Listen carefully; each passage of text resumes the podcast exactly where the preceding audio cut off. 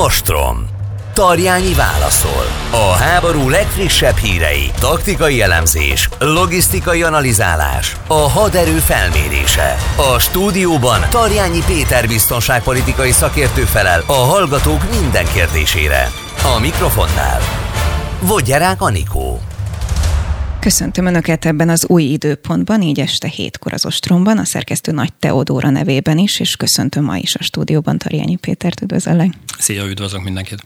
És vágjunk is bele, Persze. azt mondom, mert nagyon sok minden történt megint a héten a háború kapcsán is, és aztán lesznek más témáink is. Kezdjük talán azzal, hogy az ukrajnai katonai hírszerzésnek a helyettes vezetője azt nyilatkozta, most ez viszonylag friss, hogy vesztésre állnak Oroszországgal szemben a frontvonalon. Korábban mi pár hete még arról beszéltünk, hogy egyébként látsz te is arra esélyt, hogy mondjuk esetleg az ukránok nyerjenek ebben a háborúban. Te hogy látod ezt a kijelentést? Egyáltalán ki ő?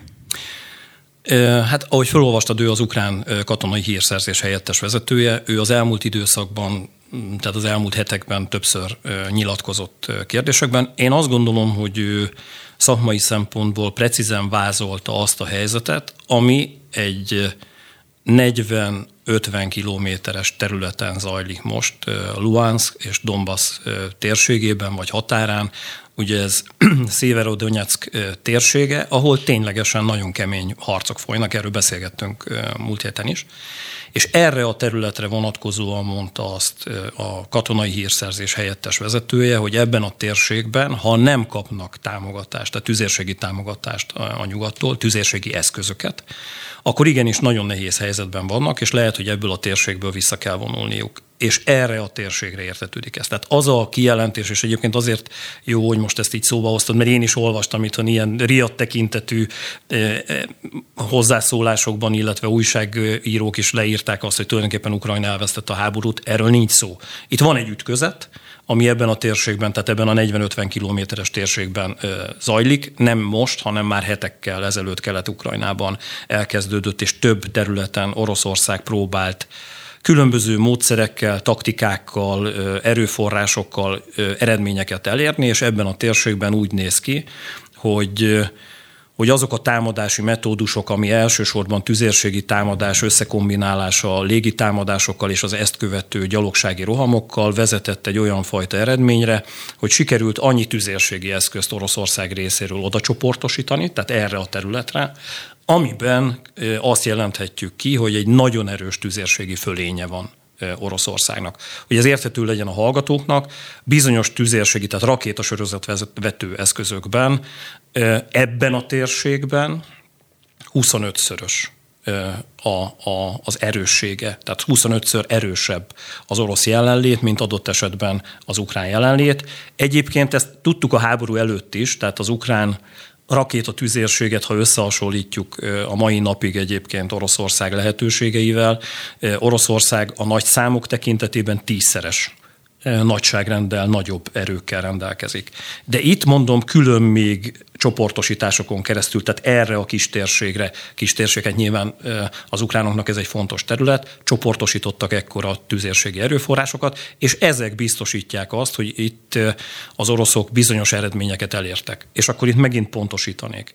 Mielőtt itt mindenki nyomkodja a vészcsengőt és kijelenti azt, hogy itt vereséget szenved Ukrajna, itt azért látszódik egy olyan fajta taktika, hogy hogy ezeket az erőforrásokat, orosz erőforrásokat mindenképpen a térségben tartják az ukránok. Itt látunk egy nagyon-nagyon furcsa mozgást. Volt ezelőtt másfél hete egy olyan kijelentése az ukránoknak, hogy ők visszavonulnak ebből a térségből.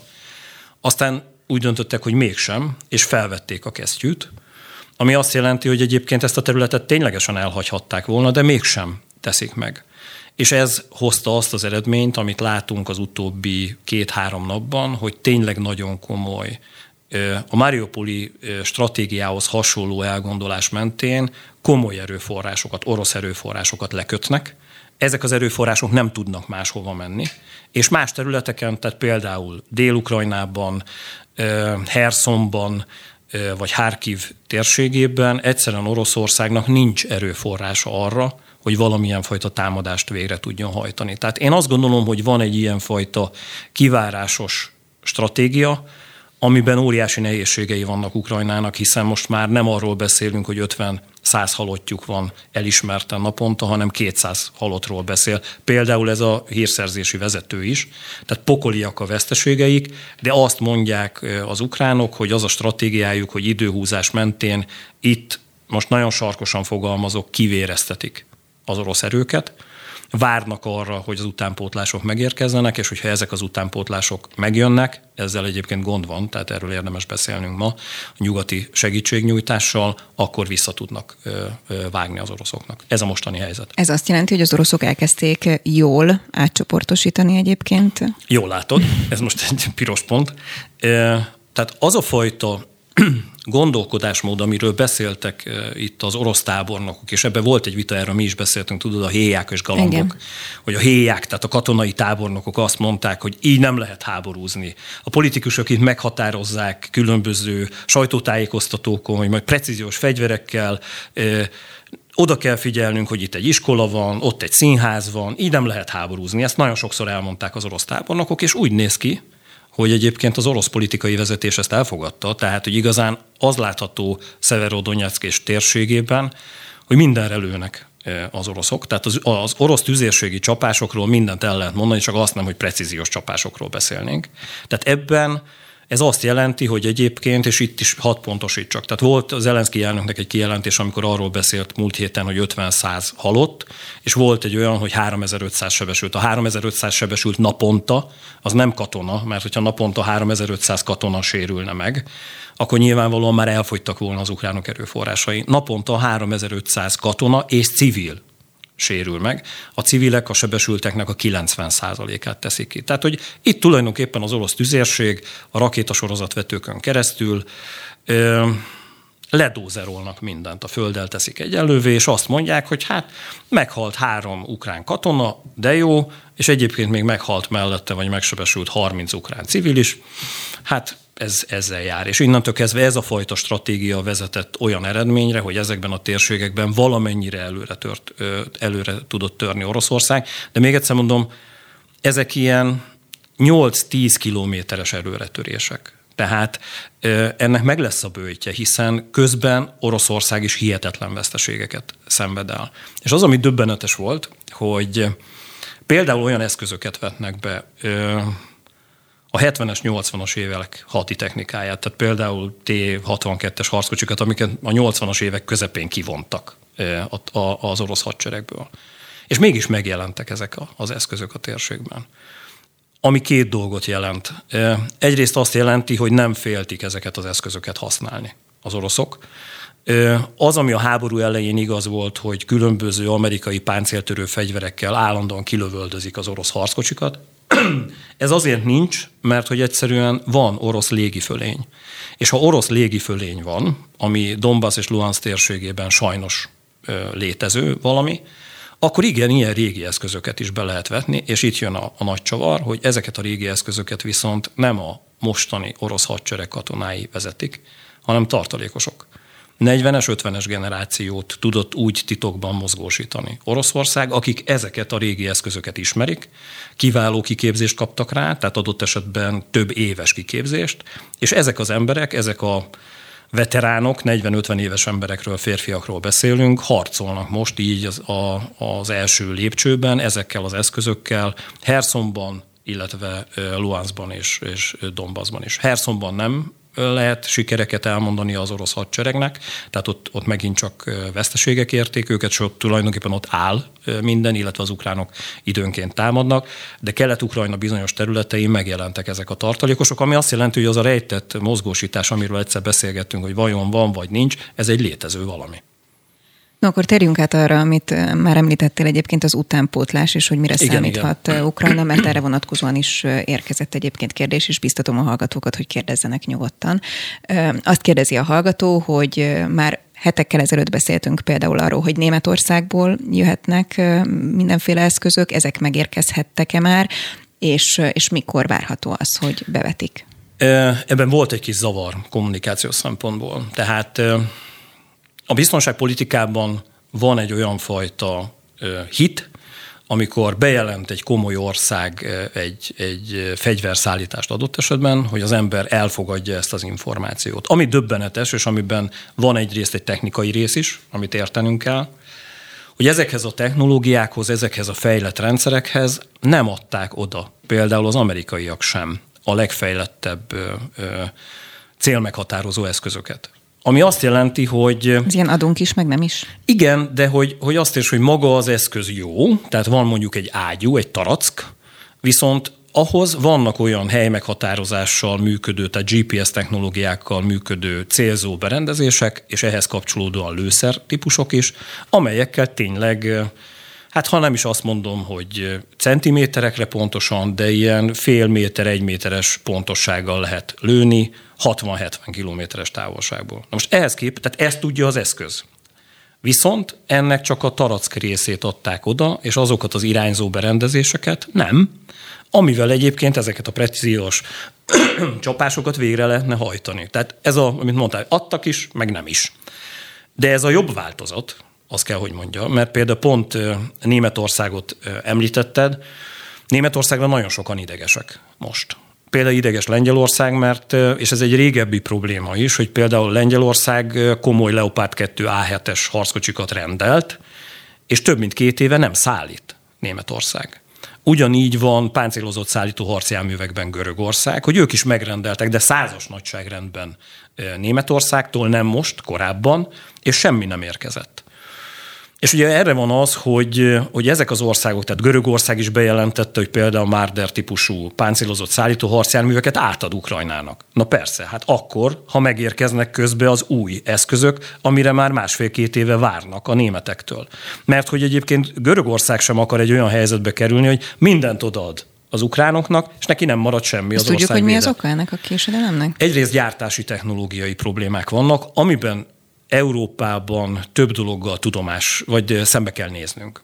Az, amiben egyébként az Egyesült Államok jobb, az az, hogy az Egyesült Államok hadipara képes több fokozatban működni. Most ilyen nagyon furcsán fogalmazok. Van a, a béke fokozat, vagy az ilyen kisebb helyi háborús fokozat, amiben, mit tudom én, azt mondom, hogy Irak, volt egy veszteségszám, harckocsik, tüzérségi eszközök, harckocsik tekintetében egyébként nem volt olyan sok, de mondjuk páncélzott szállító harcjárművek, illetve különböző gépjárművek, szállítójárművek kapcsán. És úgy nagyjából belőtte a, az amerikai védelmi ipar, hogy milyen mennyiséget kell gyártani ezeknek az eszközöknek a pótlására. De ha egyébként nagyon nagy baj van, tud magasabb fokozatba kapcsolni az amerikai gyártási technológia, és egy háborús helyzetben hihetetlen sebességgel tudnak, ha szükséges, mert van hozzá alapanyag, van hozzá minden vezérlési technológia, tudás és gyártási kapacitás ebben váltani. Ez Európából hiányzik.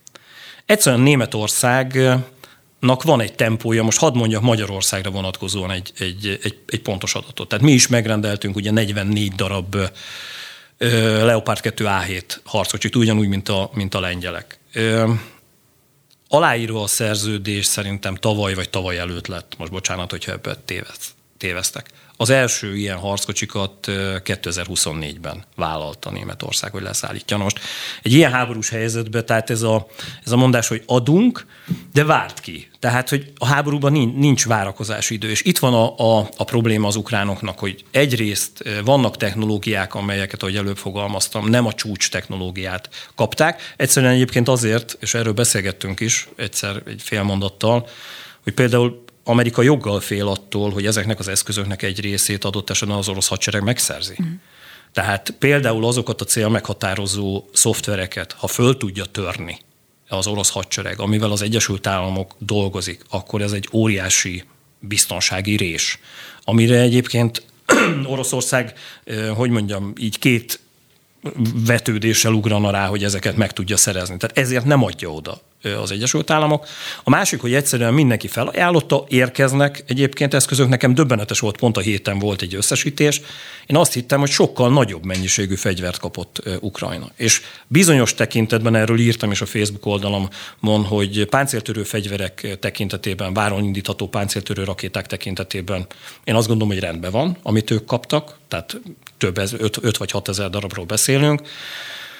De tüzérségi eszközök tekintetében, tehát 155 mm-es tarackok, illetve önjáró lövegek tekintetében döbbenetes, hogy nem érkeztek még ezek az eszközök meg. És amíg ez nincs ott, ezzel nem lehet lőni, egy, illetve harcolni, kettő, hát ennek van egy kiképzési része.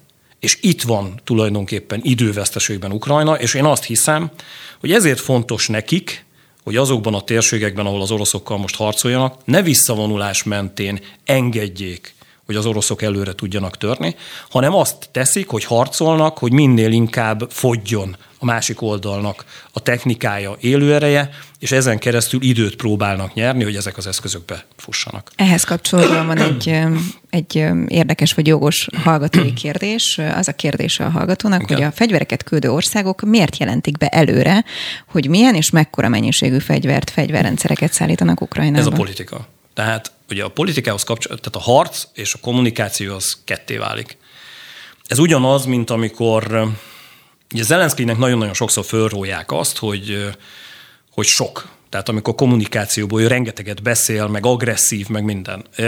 Ebben van egyébként időnként igaza a bírálóknak, de azért azt meg kell értenünk, hogy ha pszichésen megnézzük azt, hogy egy vezető ezzel találkozik, tehát hogy kezet fognak vele idézőjelbe virtuálisan, vagy oda utaztak vezetők, tehát például cseh vezető is, és azt mondja, hogy hát ezek az eszközök érkezni fognak.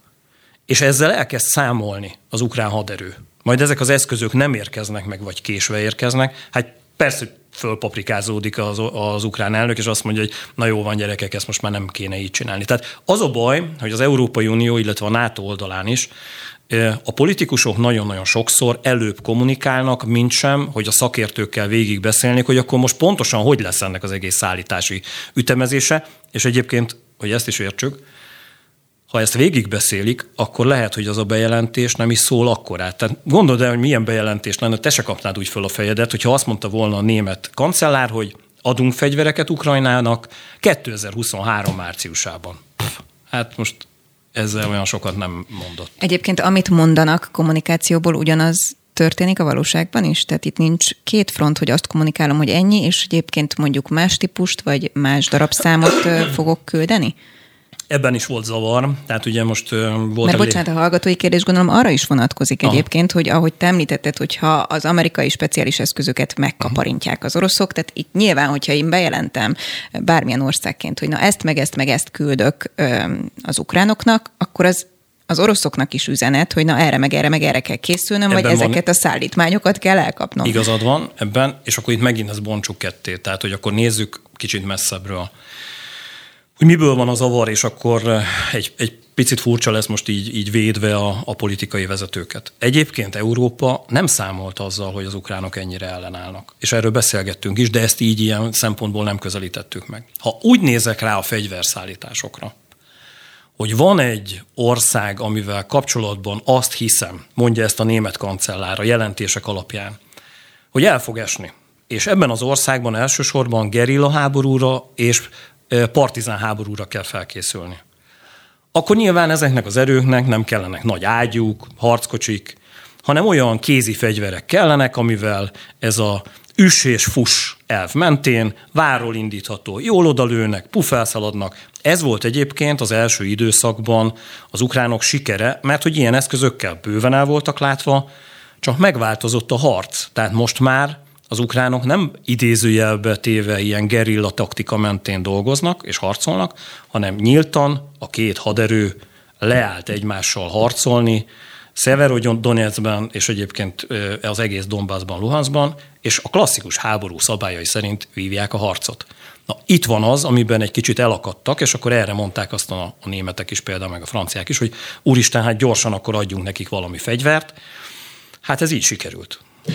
Közben szintén ehhez kapcsolódóan érkezett hallgatói kérdés. Volt egy hír, miszerint a németek nincsenek megelégedve az ukránokkal, és ez lehet a késlekedés oka, és nagy szerkesztők kikereste nekem ezt a hírt a kérésemre. Németország történelmi okokra hivatkozva habozott tankokat küldeni Ukrajnába az orosz előker, erők ellen, ezt mondták egyébként német kormányzati források a Der Spiegel magazinnak. Ebben lehet bármi? Hát lehet igazán az, hogy valamit mondani kellett. Tehát ez szakmailag nem állja meg a helyét egyáltalán. Tehát, hogy én ezt, tehát ez mese. Tehát ez jól hangzik, de hogy egyébként itt azzal van probléma, hogy ezek az eszközök nem tudtak megérkezni még, egyszerűen nagyon sok helyre elég érkezett a német hadipar, és ezeket nem tudja tartani, és most kifogásokat keres. Ennyi. No, akkor szaladok tovább, mert Jó. sok kérdésünk van. Például szoktunk róla beszélni, a Wagner zsoldos igen, csoportról. Igen, igen. Az ukrán fegyveres erők állítólag megsemmisítették a Wagner zsoldos csoport egyik bázisát Luhansk megyében. Így lehet-e ez? Egyáltalán mit lehet tudni erről a csoportról? Létezik-e még, kérdezi a hallgató? Létezik. Ott vannak a harcokban elsősorban nem első lépcsőben, hanem rendfenntartási szempontból, illetve speciális műveleteket hajtanak végre. Ezek alatt, a speciális műveletek alatt azt értem, hogy ukrán katonai vezetőket, illetve parancsnokokat próbálnak likvidálni. Nem a hátországban, hanem a közvetlen frontvonalon, tehát ezek mesterlövészek, precíziós lövők a Wagner csoportban. Ugye volt is erről egy hír, hogy, hogy egy nagyon komoly tudással bíró Hát ugye az ukránok nemes egyszerűséget csak annyit mondtak, hogy a gyilkos, ugye, vagy a hóhér. Nem, nem hóhér, hóhér, igen, hóhér, készültem. E, tehát, hogy ilyenfajta műveletekben vesznek részt, és ezeket én azt gondolom, hogy a háború szempontjából jól végzik.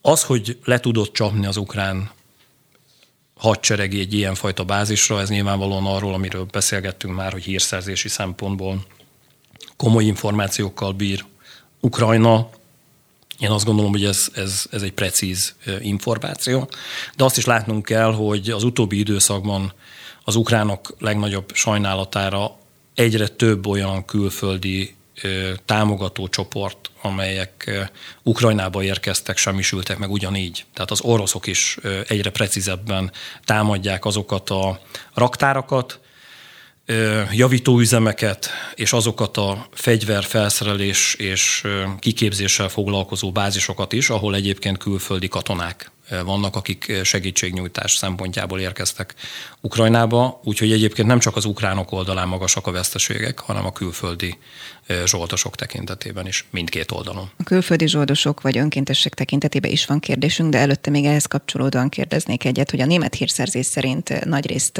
a Wagner zsoldosok követték el a Kiev körüli településeken feltárt atrocitások jelentős részét. Ez változtathat bármit egyébként, majd mondjuk a legyen úgy a leendő háborús bűnösök elítélése, tehát hogy így nem. felteszi a kezét mondjuk Oroszország és a Wagner Ezt... csoport, hozzájuk nincs közünk, nem lehet visszakutatni, nem lehet elkapni őket. Nézd, tehát Oroszország mindig felteszi a kezét. Tehát a, a, a héten is ugye, amikor arról volt szó, hogy bocsánat, hogy az a nagy élelmiszerválságban, tehát hogy, hogy Ukrajna nem tud szállítani Kelet-Afrikába, illetve Észak-Afrikába gabonát, erre is azt mondta Putyin elnök, hogy egyébként ez semmi köze nincsen Oroszországnak. Tehát egyébként, ha baj van, Oroszországnak ez egy jellemző, de egy, hagyjuk is, tehát nem Oroszországnak, a nagyhatalmaknak egy jellemző kommunikációs fogás, hogy széttárják a kezüket, és azt mondják, hogy nem értik a kérdést. Tehát ez valami magánzsoldos csapat, és, és borzasztó, hogy ezek, ezek miket semmi művelnek, semmi hozzá. közünk nincs hozzá. Ezt mondani lehet, de egyébként én azt gondolom, hogy a, a nyomozati rész fog erre hihetetlen módon rávilágítani.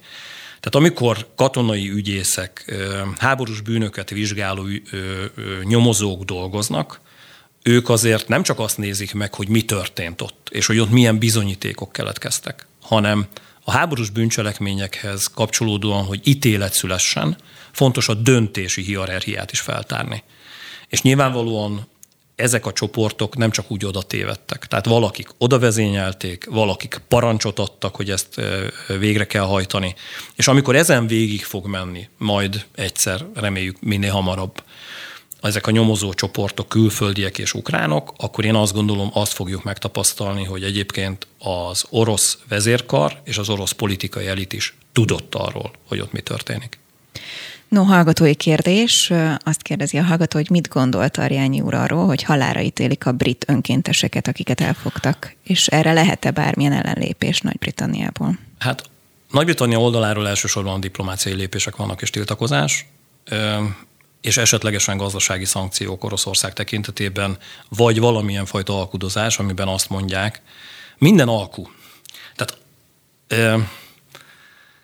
ha ténylegesen meg akarják menteni ezeket a katonákat, a, a britek, akkor elképzelhető, hogy lesz egy alkupozíció Moszkva részéről, amikor azt mondják, hogy jó, elengedik őket ebben a népköztársaságban, mert ebben mi segítünk. Mert egyébként Oroszország elítéli a halálbüntetést. Csak hogy ebben a két népköztársaságban még létező Na hát. jogi forma egyébként a halálbüntetés. Tehát nem mi csináljuk, ők csinálják, mondják Moszkvában, de segítünk nektek londoni kollégák és diplomaták, abban az esetben, ha mondjuk egy fegyverszállítmány nem megy. Tehát ilyen fajta megoldás mentén tudnak megmenekülni ezek az emberek. Egyébként most próbálják azt bizonyítani a család részéről, hogy ők abszolút katonai tevékenységet folytattak, és nem zsoldosok, hanem hivatásos katonaként, szerződéses katonaként az ukrán hadsereg tagjai, és őket a hadifoglyokhoz kapcsolódó mindenfajta jogszabály és mindenfajta háttér megilleti. Ezt nyilvánvalóan az orosz fél tagadja, pontosabban, és akkor megint ezt tegyük helyre, tehát nem az orosz fél, hanem a két népköztársaságnak az ügyészsége és a, a, a jogi igazságügyi hierarchiája tagadja ezt, és hát ebben megint Oroszország lavírozik. No, a brit hírszerzés szerint Oroszországnak kihívást jelent az alapvető közszolgáltatások biztosítása a lakosság részére az általa megszállt területeken. Sokan már kolera járványról beszélnek, és Igen. egyébként friss hír, adás előtt negyed órával jelent meg a hvg.hu, ahol már konkrétan a Mariupoli polgármester is azt mondja, hogy több tucat kolerás eset van náluk. Ő ugyanazt mondja, hogy a szükségsírokba került és a temetetlen holtestek okoznak bajt a városban. Hát ugye a baj abból fakad, hogy a háborúban nincs rendes ivóvíz, megszűnik a csatorna szolgáltatás, rengeteg emberi maradvány, mindenfajta olyan elbomló valami kerül a földbe, ami egyébként a talajvízbe beszivárog. Amikor nincs csatornahálózat és nincs ivóvíz, akkor az emberek kutakból próbálnak ilyen szükség megoldásokon keresztül vízhez jutni, ami azért baj, mert ez meleg ágya az ilyenfajta járványoknak, és ugye a kolera az elsősorban ugye bakteriális fertőzésről beszélünk. Pontosan az ilyen helyzeteket kedveli, idézőjelbe, és egyébként még nagyon-nagyon jó ö, ilyen megsokszorozó hatása van a melegnek, tehát ami most jön, tehát a nyárnak. Tehát nyáron sokkal erősebb kolera járványok tudnak lenni bizonyos térségekben.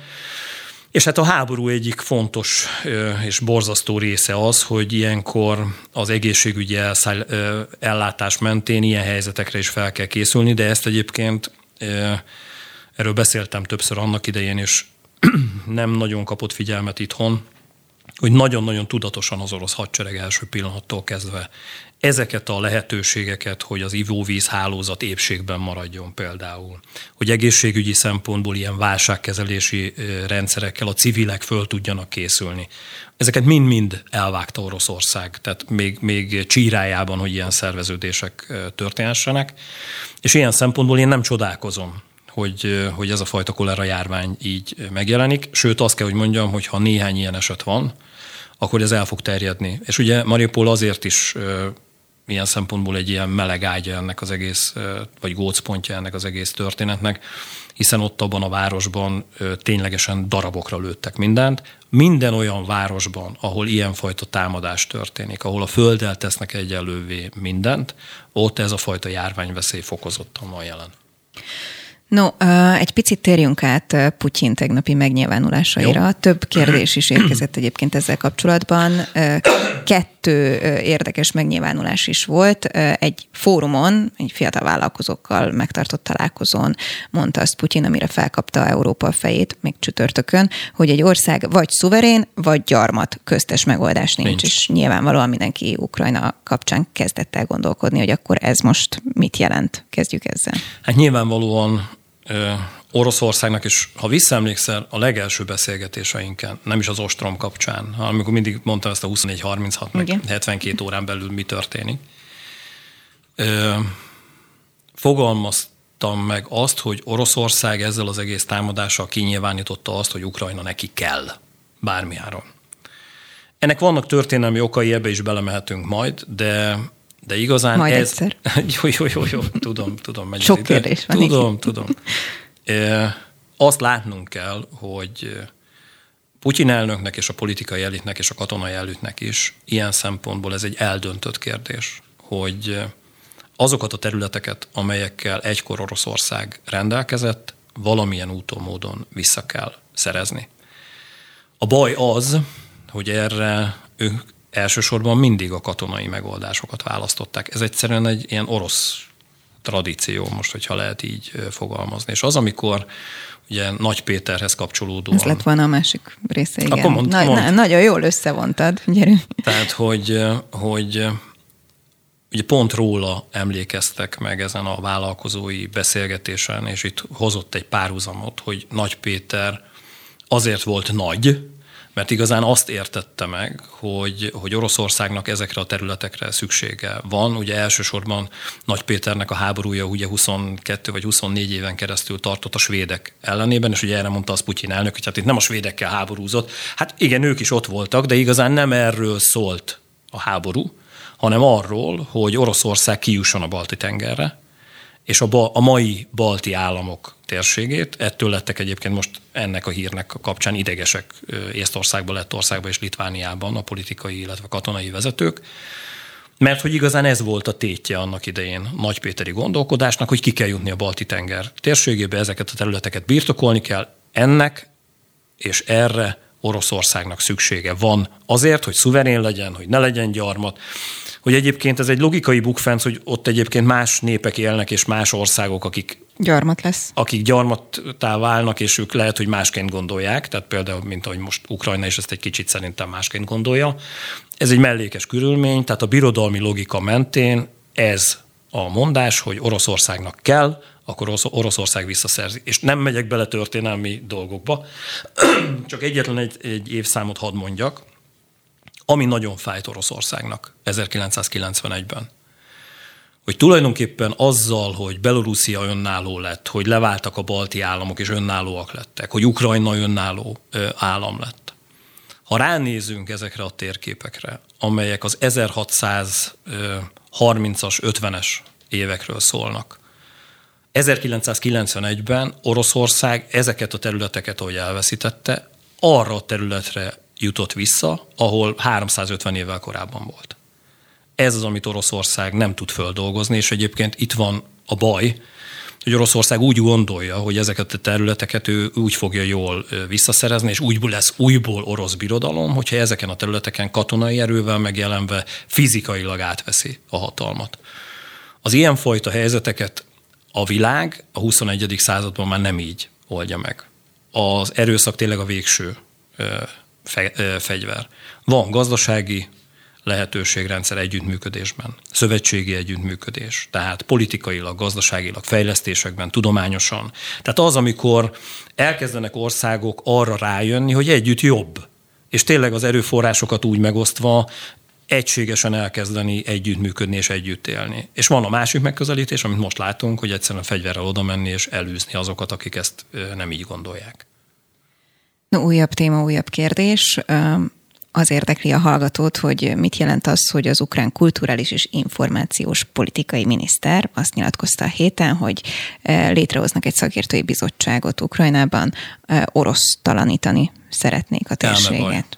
Elmebaj. Tehát erre... Tehát, tehát ugye a náci talanítás az, az egyik oroszok?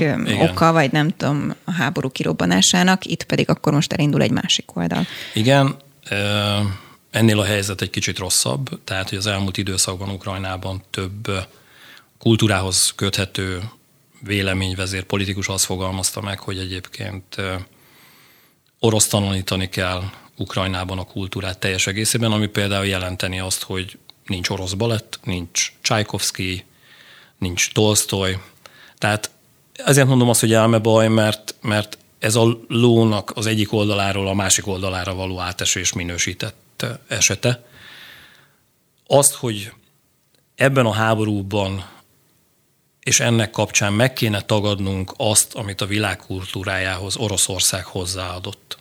Ez szerintem beteges. Az, hogy büntessünk úgy embereket, akik a kultúrában és a kultúrán keresztül az ég egyet a világon semmiről nem tehetnek. Az a bűnük, hogy oroszok. Ez megint áll be baj. Hát és azért, bocsánat, tegyük hozzá, hogy veled is beszélgettünk többször arról, hogy Ukrajnának egy jelentős része egyébként orosz gyökerű vagy orosz felmenőkkel rendelkezik. Persze, tehát azért mondom, hogy, hogy, hogy ezért ez elmebaj a köbön. Hát remélem, hogy ez nem megy át, mert egyébként itt akkor a két fél között az egyik náciatlanít, a másik orosztalanít, akkor lehet egyenlőségjelet tenni. Na ez az, ami egyébként nem fog megoldást hozni. Tehát ez az, ami egyszerűen a káosz magvait széthinti, vagy szétszórja. A káosz neve ugye a bosszú, a revans, és hát ebből, ebből csak az lesz, hogy ez a, ez a válság egyre súlyosabb lesz, és egyre inkább nem lehet véget vetni, mert hogy ez egy olyan probléma keret ver egyszerűen az ukránok fejébe is, amiben minden, ami orosz, azt, azt tagadni kell és pusztítani. Szerintem ez, ez, ez borzasztó. Legalábbis nem vezet sehova. No, egy technikai kérdés, Igen. ami még egyébként valamelyik posztothoz érkezett, hogy légy szíves magyarázd el, hogy a mai világban, amikor drónokkal, meg ja, kibertérben harcolunk, miért használnak még harckocsikat, amikor jól látható ez ilyen kiszivárgott videókon, hogy ezeket könnyű kilőni könnyű kilőni abban az esetben, ha nincs légi támogatás, ha nincs gyalogsági támogatás. Ha klasszikusan, ezt úgy hívja a szakma, most itt lehet, hogy többen mosolyogni fognak, nem tudom másként megfogalmazni, összfegyvernemi harc, ez a szakmai pontos kifejezés. Az összfegyvernemi harcban, tehát a légierő, a gépesített lövész alakulatok, a tüzérség és a harckocsi, tehát páncélos alakulatok jól együtt tudnak dolgozni, harcolni, akkor a páncélos alakulatok nélkül hihetetlenül nehéz bármilyen fajta győzelmet kivívni. Egyszerűen egy harckocsi azért jó, mert rengeteg páncél van rajta, rengeteg acél, rengeteg védőeszköz és rengeteg támadófegyver, amiben ülve az a három-négy-öt ember tényleg jól védett környezetben tud harcolni, és tud olyanokat támogatni, akiknek nincs ilyen fajta védelmük. Akkor van gond, és ezt láthatta egyébként a az olvasó, hogy Ukrajnában bevetették egyrészt ezeket az eszközöket gyalogsági támogatás nélkül, vagy minimális gyalogsági támogatással, amiben, hát nem tudok más mondani, mint a középkorban, mintha beküldenénk egy tucat páncélos lovagot több száz gyalogos közé, és egyszerűen lerángatják őket a lovukról. Hiába van rajtuk páncél, azoknak annyi. Ugyanez van egyébként a páncélosok oldaláról, ha nincs meg ez a fajta összfegyvernemi támogatás, akkor védtelenek. Viszont ha ez megvan, ha van légi fölény, tehát nincs drónok oldaláról úgymond veszély, és rengeteg drónt lőnek le most az oroszok Kelet-Ukrajnában, tehát működik a légvédelmi rendszerük, akkor egyszerűen az az igazság, hogy ilyen régi harckocsival is, mint egy T-62-es, ami 30-40-50 éves technológia, lehet egészen jól harcolni. Tehát ez a válaszom erre a kérdésre. Újabb kérdés. Nemrég egy orosz képviselő egy olyan törvényjavaslatot nyújtott be, ami megkérdőjelezni Litvánia szuverenitását. A kérdése a hallgatónak az, hogy ez mennyire komoly, vagy inkább csak pánikkeltés, illetve nem lehet-e, hogy Putyin a Baltikumban élő orosz kisebbségeket fellázítaná? Ez mind lehet, így egyben. Ezzel kapcsolatban egyébként nyilatkoztam. Tehát ugye itt a kérdéskör, tehát egy olyan orosz képviselőről beszélünk, aki rendszeresen ilyen kényes javaslatokkal áll elő. Tehát Krímfélsziget kapcsán is azért eléggé kemény javaslatokat fogalmazott meg 2014-15-ben, amire azt tudta mondani az orosz elit, hogy ne, ne, ne, tehát hogy ez, ez már tényleg nagyon durva, de el lehetett mondani azt, hogy lám-lám, azért az orosz Fékezzük. politika ezen gondolkodik, és hát mi milyen jó srácok vagyunk, mert hogy ezt a, ezt a fajta gondolkodásmódot fékezzük. Egy. Kettő, ez egyben üzenet is egyébként a balti államoknak, a NATO-nak, hogy Nézzétek, egyébként lehetne ilyenfajta gondolkodás mentén is lépegetnünk. Tehát jól fontoljátok meg azt, hogy mennyi fegyvert küldtök, hogyan gondoljátok ezt az egész háborút. Tehát ez a másik, tehát ez a klasszikus elsődleges kommunikáció és rejtett másodlagos kommunikáció. És van a szakmai véleményem. Ugye itt van egy folyosó Kaliningrádi enklávé felé Belorusszia irányából, ez egy, ez egy 60-70 kilométeres koridor, nem túl széles, tehát ez néhány kilométeres valami, és ezen keresztül van ennek az orosz enklávénak az utánpótlása biztosítva. Ez a koridor Lengyelország és Litvánia között van. Ezt a koridort egyébként, hogyha itt katonai lépések történnének, és ennek a képviselőnek elfogadnák ezt a fajta javaslatát Oroszország részéről, Oroszország nem tudja tartani. Tehát ez, ez egy lehetetlen küldetés. Tehát Lengyelország és Litvánia le tudja zárni ezt a koridort. Tehát én azt gondolom, hogy ez a kommunikáció terében ez jól hangzik, és megint tudnak szerepelni jól az orosz politikai elit résztvevői, főleg Lavrov, de remélem, és én nagyobb esélyt adok arra, hogy ennek egyébként konkrét katonai lépéssorozata nem lesz Oroszország részéről. Ugorjunk nagyon röviden Finnországra, hiszen Jó. a héten volt az hír, hogy kerítést építene Finnország Igen. a határán, 1300 km hosszan. Kérdezi a hallgató is, hogy van ennek bármi értelme? Én nem hiszek a kerítésekbe. Ezt szerintem rólam elég jól uh, tudják az emberek. Egyszerűen azért, mert, uh, és egy személyes emléket hadd mondjak, tehát a, a, a kerítés olyan szempontból tud jól működni, hogy, hogy jelezni tud, de egyébként, ha tömegek megindulnak, és én 1989-ben ott voltam a nyugati határon, amikor egyszer 300 NDK-ból menekült ember úgy döntött, hogy azon a kerítésen átmegy, akkor még nem volt a magyar politika részéről olyan döntés, hogy átengedjük az NDK-sokat. Döbbenet volt. Tehát a 300 ember az úgy ment át azon a kerítésen, mint a SIC. Tehát Igazán, ha olyan szempontból telepíti ezt Finnország, hogy szeretne egy, egy elektromos jelzőrendszert és egy olyan detektáló rendszert, ami fizikai eszközökkel kiegészítve az biztosítja, hogy ne lehessen átszivárogni Finnországba, akkor azt mondom, hogy ezt valamennyire értem. Borzasztó költségekkel jár. Tehát 1300 kilométer karban tartani, lerakni, azt figyelni, emberek oldaláról, technikával, tehát ez egy gigaköltség. És egyébként, hogyha egy támadás van, és amit te mondtál, ebben teljesen egyetértek veled, ez egyébként nem ér semmit, mert egyszerűen átgázolnak rajta. Tehát én ezért vagyok szkeptikus ezekkel a falakkal kapcsolatban. Nagyon fogy az időnk, úgyhogy Jó. ha nem is villám kérdés felelek ügyben, de de azért egy picit bepörgetlek, hogyha megengeded. Okay. Például van egy technikai kérdés, amit a hallgató írt, és tudom, hogy szereted az ilyet, úgyhogy mm. mindenképp szeretném feltenni. Igaz-e, hogy az orosz harckocsikban nincs elszeparálva az üzemanyag és a lőszer, ezért védtelenebb a személyzet, mint egy NATO tankban? Nem az üzemanyag nincs elszeparálva, hanem a lőszer nincs úgy védve, és elszaporálva a személyzettől, ami miatt ténylegesen így van, hogy a, találat után rendszeresen azt látjuk, rengeteg ilyen videó van, hogy a több tonnás torony, tehát a harckocsi torony, amiben az ágyú van, az fölrepül 30-40 méter magasra a, a levegőbe. És ez azért van, mert az a lőszerkészlet, tehát itt ilyen 40-50-60 darab, tehát lőszerjavadalmazástól függően ö, lévő ö, harckocsi lövedék egyszerre felrobban. És ez egy, ez egy nagyon komoly konstrukciós hiba. Nem most, tehát ezzel küzd szerintem már az orosz hadsereg legalább 50 vagy 60 éve. Na, adok akkor egy ilyen kétperces válaszadási lehetőséget arra a kérdés csokorra, amit egyébként nyilván minden héten feltesznek a hallgatók is. Az egy dolog, hogy mikor lesz vége a háborúnak, és jósold meg azonnal vedd elő az, az üveggömbödet, de a harmadik világháború kérdésköre is nagyon érdekli őket nyilvánvalóan, annál is inkább, hogy egyébként hozzá kapcsolódó hír, amit találtunk, hogy ugye néhány napja az orosz állami televízióban is emlegették is ezt, meg. hogy Igen. most már nem csak Ukrajna, hanem az egész NATO demilitarizálására törekszik Oroszország. Van kettő perc. Na jó, három. Jó. E, azt kell megértenünk, hogy, hogy itt megint a kommunikáció és a katonai akarat ketté e, vált az elmúlt időszakban.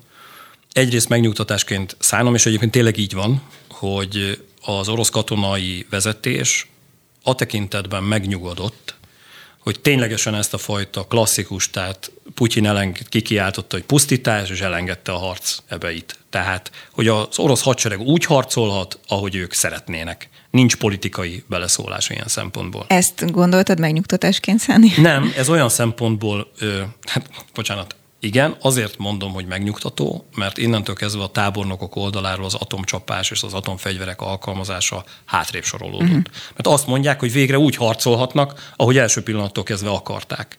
Egyébként ez kemény, mert például a Severodonyeckhez kapcsolódóan konkrét határidőket szabott Putyin. Tehát azt mondta, hogy lehet, oké, okay, csináljátok úgy, ahogy akarjátok, de mondjuk június 15-e, 10 és 15-e között ezt a várost el kell foglalni. Ha nem foglaljátok el, hát annak következményei lesznek. Tehát, hogy van egy ilyen fajta nyomás a tábornokokon, de emiatt azt mondták, hogy végre harcolhatunk, akkor nem, nem, nem jön az atom. Ami azért fontos, mert hogyha ilyen fegyvert bevetnének, erről beszélgettünk, az automatikusan a harmadik világháborúnak a, a lépéssorozatait döbbenetesen Most gyorsan. Akkor az én kérdésem, hol tartunk a skálán, ugye lejjebb, volt a rossz? Lejjebb, tehát én azt mondom, hogy ez ilyen 20-30 százalékra süllyedt. Az elmúlt egy hétben. Amiatt, hogy Azért, na ez a megnyugtató ez a, üzenem igen, a hallgatóknak, igen, aki esetleg nem látta, vagy nem hallotta az összes adásunkat, mert volt ez már egy esetleges atomháború kapcsán, ugye mondtad, hogy vannak szintek, amiket kipipálnak, és tartottunk már 60% nál úgyhogy igen. ehhez képest a 20-30 esély, százaléknyi viszont, esély, ez megnyugtató. Viszont, és most jön a nem... Vagy megnyugtató, igen. igen, tehát most jön a, a nem jó rész. Az, amit a véleményvezérek oldaláról látunk és hallunk az orosz állami televízióban, ahol semmi nem hangozódhat úgy el, hogy egyébként arról a politikai vezetés ne tudna, hogy ezt továbbra is lebegtetik, tehát folyamatosan az a fajta kommunikációs üzenet megy a NATO felé, és az Európai Uniós országok felé is, hogy egyébként Oroszország vegye mindenki tudomásul, hogy nagy atomhatalom, tehát nagy hatalom, és egyébként a bolygó bármelyik részén, hogyha szükséges, ezekkel az eszközökkel csapást tud ö, mérni. És egyébként ezért mondják azt, hogy hát ezt a háborút már rég be lehetett volna fejezni néhány atombomba ledobásával, ami nyilván butaság, mert hogy egyébként Oroszországnak Ukrajnára úgy van szüksége, hogy nem egy ilyen radioaktív hulladék és temető legyen, hanem egy olyan ország, ahol egyébként a, az ásványi kincseket ki lehet termelni, ahol gabonát lehet termelni, tehát ők meg akarják szerezni ezt, a, ezt, a, ezt az országot. Tehát, hogy ilyen szempontból van egy ilyenfajta billegő helyzet. Na akkor röviden, ha már érintettük, az afrikai élelmiszerhiány mikor eredményezheti a következő migrációs hullámot, és ennek következményei várhatók Európára, ugye még mindig ott rostokol az a hát kb. 20-25 millió tonnányi, vagy nem tudom, Hú, írdatlan igen, mennyiségű igen, gabona van. az oroszoknál. Nem, az ukránoknál. Hát már mint hogy az oroszok által az ukránoknál, igen. Igen, igen, tehát Ukrajnában van, és ez azért baj, mert egyébként szinte százszázalékosan azokat a kapacitásokat is lefedi, ahova az új gabonát kéne vinni. Tehát ugye az aratás az most már indul, és az új gabonát ezekbe a tárolókba el kéne helyezni, amiben egyébként még a tavalyi gabona van. Hát ha időket kell néznünk, akkor azt mondanám, hogy Észak-Afrikában és Kelet-Afrikában az elkövetkező egy hónapban ezeket, ezeknek a szállítmányoknak valamilyen úton meg kéne jelenniük. És hát ezzel kapcsolatban egyébként kaptam kérdést a Facebook oldalon, hogy hát miért nem lehet megoldani, hát van vasúti szállítás is. Igen, csak azt kell megértenünk, hogy egy gabona szállító tartályhajó, az mondjuk egy ilyen 6-700 vagont viszel egyszerre, tehát akkora mennyiségű gabonát. Na most ugye 6-700 tehervagonból álló ilyen vasúti konvojok nem nagyon tudnak működni, és ez egy, és ebből kellene mondjuk több ezer, tehát, vagy több ezer szállítás, több száz hajóval. Tehát ezért egyszerűbb a tengeri szállítás, Arról nem beszélve, hogy, hogy valahogyan a földközi tengeren át kéne hajózni akkor megint az Európai Unió területéről Észak-Afrikába. Tehát ez az elkövetkező egy hónapban probléma. Ezért van az, hogy a héten egyébként Törökország tárgyalt. Tehát magára vállalta, hogy ezt a helyzetet próbálja megoldani. Egyszerűen azért, mert egyébként a közel-keleten és Észak-Afrikában pontosan tudja Törökország, ha baj van, az rájuk hatással lesz. Figyelek. Jó, igen, akkor válaszolj kérlek villám jelleggel erre, hogy akkor oké, okay, egy hónapon belül meg kéne érkeznie, ha nem, akkor mondjuk az az adott migrációs hullám mikorra érezhető. Én azt mondom, hogy Észak-Afrikába, tehát Közép- és Kelet-Afrikából Észak-Afrikába szerintem őszre, és ősz végére tud valami megjelenni Olaszország térségében, viszont ott jön a tél, és a rossz idő, tehát én azt gondolom, hogy ebben lehet ilyen szempontból lehet ilyet mondani, szerencsés Európa, hogy én azt gondolom, hogy ebből adódóan nagy migrációs hullámra én az idei évben nem számítanék. Vilám válasz volt. Igen, nagyon. No, kitiltottak egy NATO gépet a magyar légtérből a héten, ugye ez pont fegyvereket szállított volna, milyen jogon egyik NATO tagország a másik NATO gépet simán kitéthatja el. Ki? válaszok. A következő. Tehát, hogy, hogy azt kell látnunk, hogy Ebben volt néhány hónappal ezelőtt egy egyeztetés a magyar kormány részéről, és ugye Magyarország azt kijelentette, hogy nem fog átengedni ilyenfajta fegyverszállítmányokat a légterén. Aztán egyébként átengedett. Itt az a kérdés, hogy itt milyen szállítmányról van szó, tehát erről egyébként NATO országként Magyarország tud, hogy azon a repülőgépen milyen fegyverek vannak. Ez lehetett az egyik ok. A másik ok az pedig az, hogy, hogy Magyarország részéről az, amit korábban kijelentett magyarán, hogy nem fognak átjutni ezek a gépek, vagy nem engedünk át. Most úgy döntöttek mégis a politika oldaláról, hogy ezt megteszik. Hogy ezt miért tette egyébként az Orbán kormányzat, ez csak találgatás lenne, és ebben inkább én most nem mennék bele. Itt az lesz érdekes, hogy ez az egy gép volt, amelyikkel ez megtörtént, vagy az elkövetkező időszakban azt fogod látni hírekben, hogy egyetlen egy gép sem repülhet át fegyverszállítmányjal Magyarország fölött. Ha ez történik, akkor valami Magyarország kül- és biztonságpolitikájában, katonapolitikájában megváltozott. No, erre majd jövő héten keressük a választ. Még maradt öt percünk körülbelül, úgyhogy Jó. gyorsan kérdezek, illetve a hallgatók kérdeznek. Mm, tegnap fél-kelet-európában végigrepült egy litván kisgép. Úgy hírlik, hogy orosz akció volt, hogy teszteljék a nato -t. Mit gondolsz erről? Hogy vannak ilyen akciók, és ezzel kapcsolatban az elmúlt időszakban több ilyen fajta légtérsértés, nevezzük így, történt.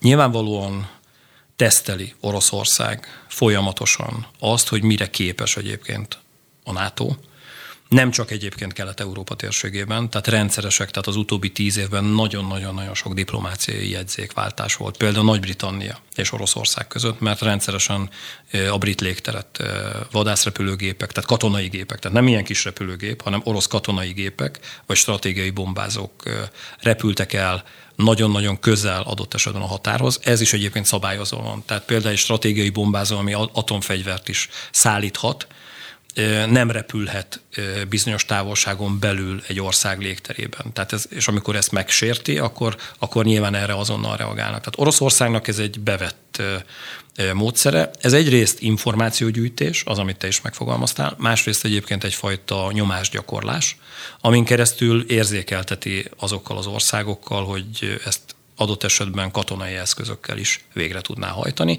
és hogy tapogatózik, keresi a réseket a pajzson. A héten két újabb orosz oligarha halt meg Igen. balesetben. Ilyenről már korábban beszéltünk. Ők is a leszámolás része orosz oldalról? Mit gondolsz? Ezt nem tudom megmondani. Annyiban változás van az oligarchák halálához kapcsolódóan, vagy balesetek kapcsán, vagy öngyilkosságok, vagy, vagy család, családi kivégzések, ugye, tehát egy eléggé széles repertoár volt itt az elmúlt három hónapban. Az biztos, hogy azokon a stratégiai területeken, ami az orosz politikai vezetésnek fontos, legyen ez adott esetben az energetikai szektor, ahol nem tűrik az, hogy másként gondolkodók jelen legyenek. Ezért haltak meg az energetikai szektorban lévő oligarchák. Mert ők nyíltan egyébként megfogalmaztak véleményeket, amihez kapcsolódóan egy-másfél héten belül meg is haltak a családjukkal együtt. Ugye most, akikről beszélünk, ők az orosz Facebook, most nevezzük így, tehát az orosz közösségi médiának az alapítói, tulajdonosai. Nyilvánvalóan az orosz közösségi média fontos az orosz propagandának és az orosz politikai elitnek. És amikor egy ilyen dolog történik, tehát meghalnak az alapítók, Oroszországban általánosan bevett gyakorlat, hogy olyan új tulajdonos, vagy olyan új vezetők jelennek meg, akik egyébként a politikai vezetéshez hűségesek. Úgyhogy ezért érdekes az, amit mondasz, hogy érdekes módon megint egy stratégiai vállalat, a kommunikáció tekintetében stratégiai vállalat, top vezetői egyszerűen egy balesetben meghalnak. Itt az lesz a kérdés, hogy ki jön, vagy kik jönnek a helyükre. Végszóra Jó. szeretnék egy hazai hírről is beszélni veled, vagy hát Magyarországot érintő hírről. Ugye Szijjártó Péternek jelentettek magyar újságírókról, magyar diplomaták állítólag, ugye ilyen táviratok jelentek meg a Direkt 36-ok nyomozó újságírói portálon. Ennek van-e bármi jelentősége egyáltalán mondjuk kintről? Szoktak-e diplomaták jelenteni? Szoktak. A háborúra vonatkozóan nincsenek semmilyen fajta hatása, tehát most ilyen gyors váltás volt, tehát ezért reagálok erre, tehát e, ennek nem ehhez van köze.